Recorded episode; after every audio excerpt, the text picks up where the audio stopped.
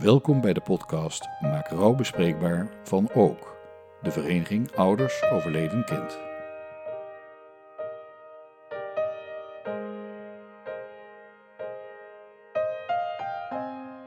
In deze podcast richten we ons op de pijlers van de vereniging, namelijk troost, herkenning en perspectief. Een podcast door en voor lotgenoten, maar toegankelijk voor iedereen.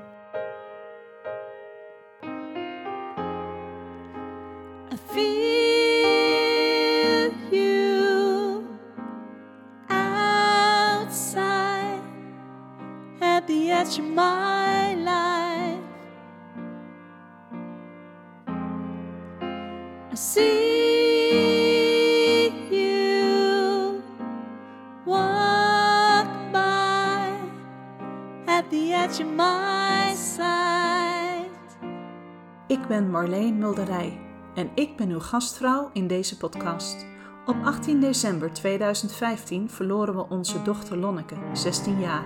Ik neem u mee in een wereld van rouw, maar ook in ons leven met perspectief. Nou, dan ben ik eh, toch maar weer neergeploft op de zolderkamer van dochter Lonneke. Gewoon omdat dat nu het meest rustige plekje in huis is op dit moment. En eh, het zit hier gewoon heel lekker. Ehm, vorige keer heb ik het, eh, ja, zat ik hier ook. Heb ik gewoon gehad over de kamer van Lonneke. Podcast Lonneke's Kamer. Lonneke is onze dochter. Ze was 16 jaar en toen is zij eh, overleden in een eh, verkeersongeval op 18 december 2015. Dus dat is nou ruim eh, vier jaar geleden. Dat was de vrijdag voor de kerstvakantie. En ik was ehm, vorige week aan het praten met een lotgenoot. En zij vroeg mij, ehm, aan wie kun jij nou eigenlijk het verhaal kwijt? Aan wie kun jij nou uitleggen wat je voelt, wat je, wat je denkt, wat je verwacht van de maatschappij? Wat... Want ehm, voor haar is het dan ruim een jaar geleden dat haar zoon overleed. Dus, Weet je, je, je merkt gewoon dat je niet altijd je verhaal kwijt- kan. En, en, en, en ja, toch wel veel gehoorde zin is binnen ouders overleden kind ook wel van... Als je het zelf niet hebt meegemaakt, dan weet je ook niet hoe het voelt. Maar hoe kun je dan toch je verhaal kwijt? Ja, daar moest ik even over nadenken. En ik denk ehm, dat ik toch wel heel veel aan het schrijven ben. Dat deed ik als kind al. Ik ben altijd wat taliger geweest dan dat ik eh, van het rekenen was. Ik zei ook altijd tegen mijn vader, die wiskundeleraar was, waar hij een wiskundeknobbel heeft, heb ik een wiskundekuil. Maar eh, taal, talig, ja, dat, dat zit wat meer in mijn eh, genen, denk ik. Dus ik was altijd al aan het schrijven. En ehm, ik schreef heel veel eh, brieven naar mijn nicht. Mijn pennicht noemde ik die. En eh, het, eigenlijk vind ik het schrijven nog steeds erg leuk. Eh, verhalen bedenken. En eh, ja. Gewoon dingen, dingen bedenken, dingen op papier krijgen. So, eh, columns schrijven. eh, grappige teksten bedenken. Eh, proberen te dichten. Dus ik heb van alles al wel gedaan. Maar wat schrijf je nou op? Ehm, nou, ik heb in mijn vorige podcast al gezegd, van, verteld, dat de eerste week vanaf het moment dat we hoorden van Lonneke's ongeluk tot haar eh, crematie, dat was op 24 december, dag voor kerst, die week gebeurt er zo ongelooflijk veel. Ehm, de wereld staat stil en toch komen er heel veel mensen met verhalen. Ik wilde ook alles weten. Ik wilde alles. Ehm, ik, ik weet dat ze bij, bij het gebouw van Unive, het gebouw waarvoor zij overle- waar zij overleden is, dat, op de weg daarvoor, hebben ze de dag na haar overlijden, hebben ze de vlaghalfstok gehangen, dat soort dingen. Eh, er waren zoveel kleine details die ik overal vandaan hoorde en die ik allemaal wilde onthouden. Dus in de maanden na haar overlijden ben ik eh, dat allemaal op gaan schrijven. Heb ik eh, op haar kamer gezeten. Ben ik heel veel gaan schrijven. En eh, tot het moment van haar crematie kon ik dat ook echt wel behoorlijk. eh, ja, in, in, in, in de goede volgorde van tijd wist ik ook precies de dingen wat te doen. Maar wat ik daarna wilde opschrijven, weet ik niet meer. Want mm, vanaf dat moment ben ik alle chronologie kwijtgeraakt. En ehm, viel niks meer op zijn plek. En eh, dat eerste jaar, dat was bizar wat dat betreft. wat ik wel probeerde was eh, toch in korte teksten mijn gevoel op papier te, eh, te zetten. Ik heb ook een, een, schrift aangeschaft en daar schreef ik allemaal brieven in naar Lonneke, want ik vond dat zij moest weten hoe, wat, wat er allemaal gebeurde en hoe ik me voelde en hoe ik haar miste. Dus dat waren de brieven naar Lonneke. Ik heb heel veel gedichten geprobeerd te schrijven, maar ja, ik, het, zijn, zijn meer gedachtenspinsels, denk ik, die ik op een bepaalde manier opschrijf.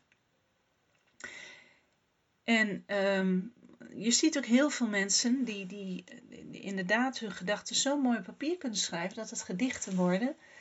En die gedichten die komen dan in bundels en die komen in de winkel of ze komen op Facebook of wat dan ook. En daar heb je ontzettend veel aan. Um, maar wat ik jullie eigenlijk, of wat ik je als luisteraar uh, misschien wel mee wil geven, is dat je zelf op een ongelooflijk eenvoudig manier zo'n krachtig gedicht neer kan zetten waardoor je in een paar woorden en een paar zinnen um, je gevoelens kwijt kan. Gewoon dingen op papier kan zetten. Um, vaak hoor je zoiets van, ja, maar ik, ik ben helemaal niet talig of ik kan niet dichten. Ja, weet je, dan, dan als je voor jezelf dat gevoel al hebt of dat idee al hebt, dan zet je, uh, dan zet je die mogelijkheid ook zo op slot ik denk ook niet dat het bedoeling is dat als jij gaat dichten, dat een ander dat mooi moet vinden. Of dat je daar meteen ongelooflijk veel indruk mee wilt maken. Het hoofddoel van gedichten op papier zetten of, of je gedachtenspinsels op papier zetten is puur. Je hebt de gedachte in je hoofd. Aan wie raak je dat nou kwijt? Nou, in elk geval kun je alles aan je papier kwijt. En als je het later overleest, kun je het weer overdenken. Kun je weer denken, oh ja, zo voelde ik dat moment. Hoe was het nu? dus het, het maakt je hoofd leeg. dan kun je van alles op papier zetten wat je wil. Maar als je nou zegt, ja, maar ik wil er toch wel iets van maken. Dan wil ik je nu eigenlijk meenemen in een mogelijkheid om er een, een soort krachtig gedicht van te maken. Van iets wat eigenlijk iedereen gewoon kan. Ik bedoel, ik, ik doe het ook met de kinderen in mijn klas, groep 7 op de basisschool. En dan maken we een rondeel. En een rondeel, dat is een, een gedicht, een dichtvorm. Nou, de meest eenvoudige vorm daarvan is acht regels. En die acht regels, die hebben uh, bepaalde zinnetjes die weer terugkomen. En er zit dus een vaste volgorde in zo'n rondeel. Nou, hoe begin je nou een rondeel? En kijk, dan word ik meteen enthousiast en dan merk je ook van, oh ja, dit is een echte juf, dus ze gaat vertellen. Uh, hoe begin je nou een rondeel? Je zoekt voor jezelf of je schrijft voor jezelf op een klapblaadje vijf regels. Gewoon vijf dingen die in je opkomen, waar je op dat moment aan denkt. Het kan best wel zijn dat je helemaal vastloopt in gedachten, dat je vragen hebt. Schrijf ze gewoon op. Het kan kort. Het hoeft helemaal niet uitgebreid en het hoeft helemaal niet in dichterlijke taal. Um, ik heb een voorbeeldje gemaakt. Ik zat uh, vanochtend naar buiten te kijken, de zon die scheen. En uh, ik weet dat ik kan genieten van de zon. Ik weet dat ik kan genieten van de lente. Ik kan weten dat ik kan genieten van mooie dingen. Maar sinds een jaar of vier, om de een of andere duistere reden, kan ik dat niet meer volhouden. Kan ik dat niet meer vasthouden. Oftewel, na Lonnekes overlijden beklijft het niet meer. Alles wat ik um, wat ik mooi vind en waar ik altijd tijden op kon teren qua enthousiasme, wat, he, dat genotsgevoel zeg maar, dat is eigenlijk nu meteen weer weg. Dus ik kan nog wel genieten van mooie dingen, maar ik heb het gevoel dat ik er niks meer bij voel. En vaak denk ik dan ook van, hé, hey, dan zie ik die zon en dat maakt me warm, maar waarom voel ik er nou niks bij? En dat is eigenlijk een vraag die ik heel vaak aan mezelf stel. Waarom voel ik niks? Dus ik zat vanochtend um, aan de keukentafel in mijn uppie even. Lekker vroeg in de ochtend, kopje koffie erbij en ik keek naar buiten. En ik heb daarvan vijf zinnen op papier geschreven. En dat zijn de volgende zinnen. De eerste zin. Waarom voel ik niets? De tweede zin. Een kopje koffie in de ochtend. De derde zin. Ik kijk naar buiten. De vierde zin. Spinnenraden zweven in het licht. Ja, ik dacht nog bij mezelf, als ik daar doorheen loop, straks moet ik wel even met mijn handen heen en weer sjoeven, want anders dan krijg ik die spinnendraden in mijn gezicht en daar ben ik niet zo van. Maar die vielen mij dus op, die zag ik dus in het licht. Uh. En de vijfde zin, de zon schijnt. Heel simpel, het zijn hele simpele zinnen, heel feitelijk, heel, ja, zo was het gewoon op dat moment. En om van die vijf zinnen iets krachtigs te maken, zou je een rondeel kunnen maken. Een rondeel. Wat je doet, als je vijf zinnen hebt opgeschreven op een kladpapier, dan zet je daaronder voor de kantlijn de getalletjes 1 tot en met 8. Waarom? Nou ja, elke regel heeft één zin. En met die vijf zinnen ga jij die acht regels invullen. Wat is nou het geval bij een rondeel? Het heet niet voor niets een ronddeel. Er komt iets in het rond, er komt iets terug. Namelijk regel 1 is hetzelfde als regel 4, is hetzelfde als regel 7. Dus regel 1, regel 4 en regel 7 worden dezelfde zin. Voor die zin pak je dus een van die vijf zinnen die je hebt opgeschreven, die jij ehm, misschien wel de belangrijkste vindt, of waar je de meeste vragen over hebt, of zoiets. Regel 2 en regel 8 zijn ook dezelfde regels. Ehm, het is de bedoeling dat het dezelfde regel is, maar je mag er af en toe best wel een woordje in veranderen of een woordje bij toevoegen. Maar wel over het algemeen zouden ze dezelfde moeten zijn. En dat is een hele leuke regel. Dan hou je nog drie regels over. En die kun je dan lukraak invullen bij regel 3, 5 en 6. En dat maakt niet uit welke volgorde. Dus je gaat eigenlijk een beetje aan het puzzelen met vijf zinnetjes. Nou, ik zet bijvoorbeeld op regel 1 de zon schijnt. Want dat is het eerste wat mij opvalt als ik naar buiten kijk, de zon schijnt. Dus dan schrijf ik bij regel 1 de zon schijnt, maar bij regel 4 schrijf ik weer de zon schijnt. En bij regel 7 schrijf ik weer de zon schijnt. Regel 2 en regel 8. Ik vind regel 8 is natuurlijk de laatste van het gedicht. Dus daar moet altijd bij mij iets staan ja, wat, wat, mij, uh, wat me opvalt of wat dan ook. Nou, in dit geval, waarom voel ik niets? Dus ik schrijf bij regel 2 de zin, waarom voel ik niets? En bij regel 8 ook weer, waarom voel ik niets? Dan heb ik nog drie regels over. Ik kijk naar buiten, spinnendraden zweven in het licht en een kopje koffie in de ochtend. Nou, dat kopje koffie in de ochtend, die zet ik op regel 3. En dan op regel 5 Um, even kijken hoor. Dan doe ik daar. Ik kijk naar buiten. En bij regel 6 komt dan spinnendraden zweven in het licht. Nou, dan heb ik die. En nu heb ik het dus ingevuld. Regel 1 tot en met 8. 1, 4 en 7 zijn hetzelfde. 2 en 8 zijn hetzelfde. En 3, 5 en 6 zijn andere zinnen. Als je dan nou als een rondeel invult op de manier zoals ik het nu gedaan heb, dan zou het worden: De zon schijnt. Waarom voel ik niets? Een kopje koffie in de ochtend. De zon schijnt, ik kijk naar buiten. Spinnendraden zweven in het licht. De zon schijnt, maar waarom voel ik niets? En ineens is het een gedicht en heeft het gewoon kracht.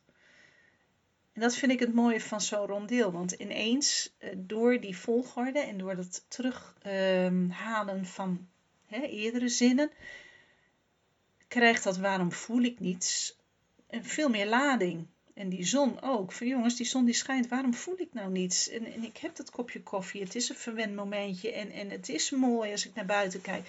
Maar waarom voel ik niets? Het is, het is meteen een stuk krachtiger. Dus eh, dat is een rondeel. En dat, uh, daar wil ik jullie eigenlijk uh, ik jullie in meenemen. En um, nou ja, ach, als we hier nou toch zitten, neem ik jullie sowieso weer mee. Want die dochter van mij, die was ook aan het dichten. Eh, af en toe hoor. En heerlijk, want bij Lonneke, die heeft een schriftje. Die vond ik weer. En um, daar kun je zo heerlijk in zien welke leeftijd het is. Um, ze heeft een cijfer teruggekregen. En heeft ze bijvoorbeeld, uh, dat was een onvoldoende. Dat heb ik niet eens in de gaten gehad, geloof ik. Maar goed, zij zat er best over in. En als je dan ziet wat zij wil, dan denkt zij, oh, een gedicht, dat is ook meteen rijmen. Maar het leuke is, als je dan een lang gedicht wil maken, dan kom je een beetje vast te zitten. Want het is voor kinderen nog heel lastig om uh, bij het onderwerp te blijven. Dus zij begint dan cijfers. Ik ben droevig om een cijfer. Ook al werk ik nog zo ijver. Commentaar krijgen doet pijn. Nee, het is niet fijn. Ik sta lang voor me uit. Dan ineens roep ik luid. Nou, en dat gaat zo een poosje door. Tot op een gegeven moment ze zegt: um, Even zien hoor.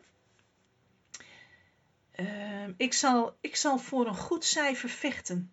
Buiten hoor ik spechten. Nou, dan moet ik altijd zo lachen, want dan denk ik ook meteen hoe komt ze daar nou weer bij? Maar goed, dat ruimt dus op vechten. En, oh, nou ja, dus dat zijn van die heerlijke gedichten waarin kinderen een beetje vast komen te zitten.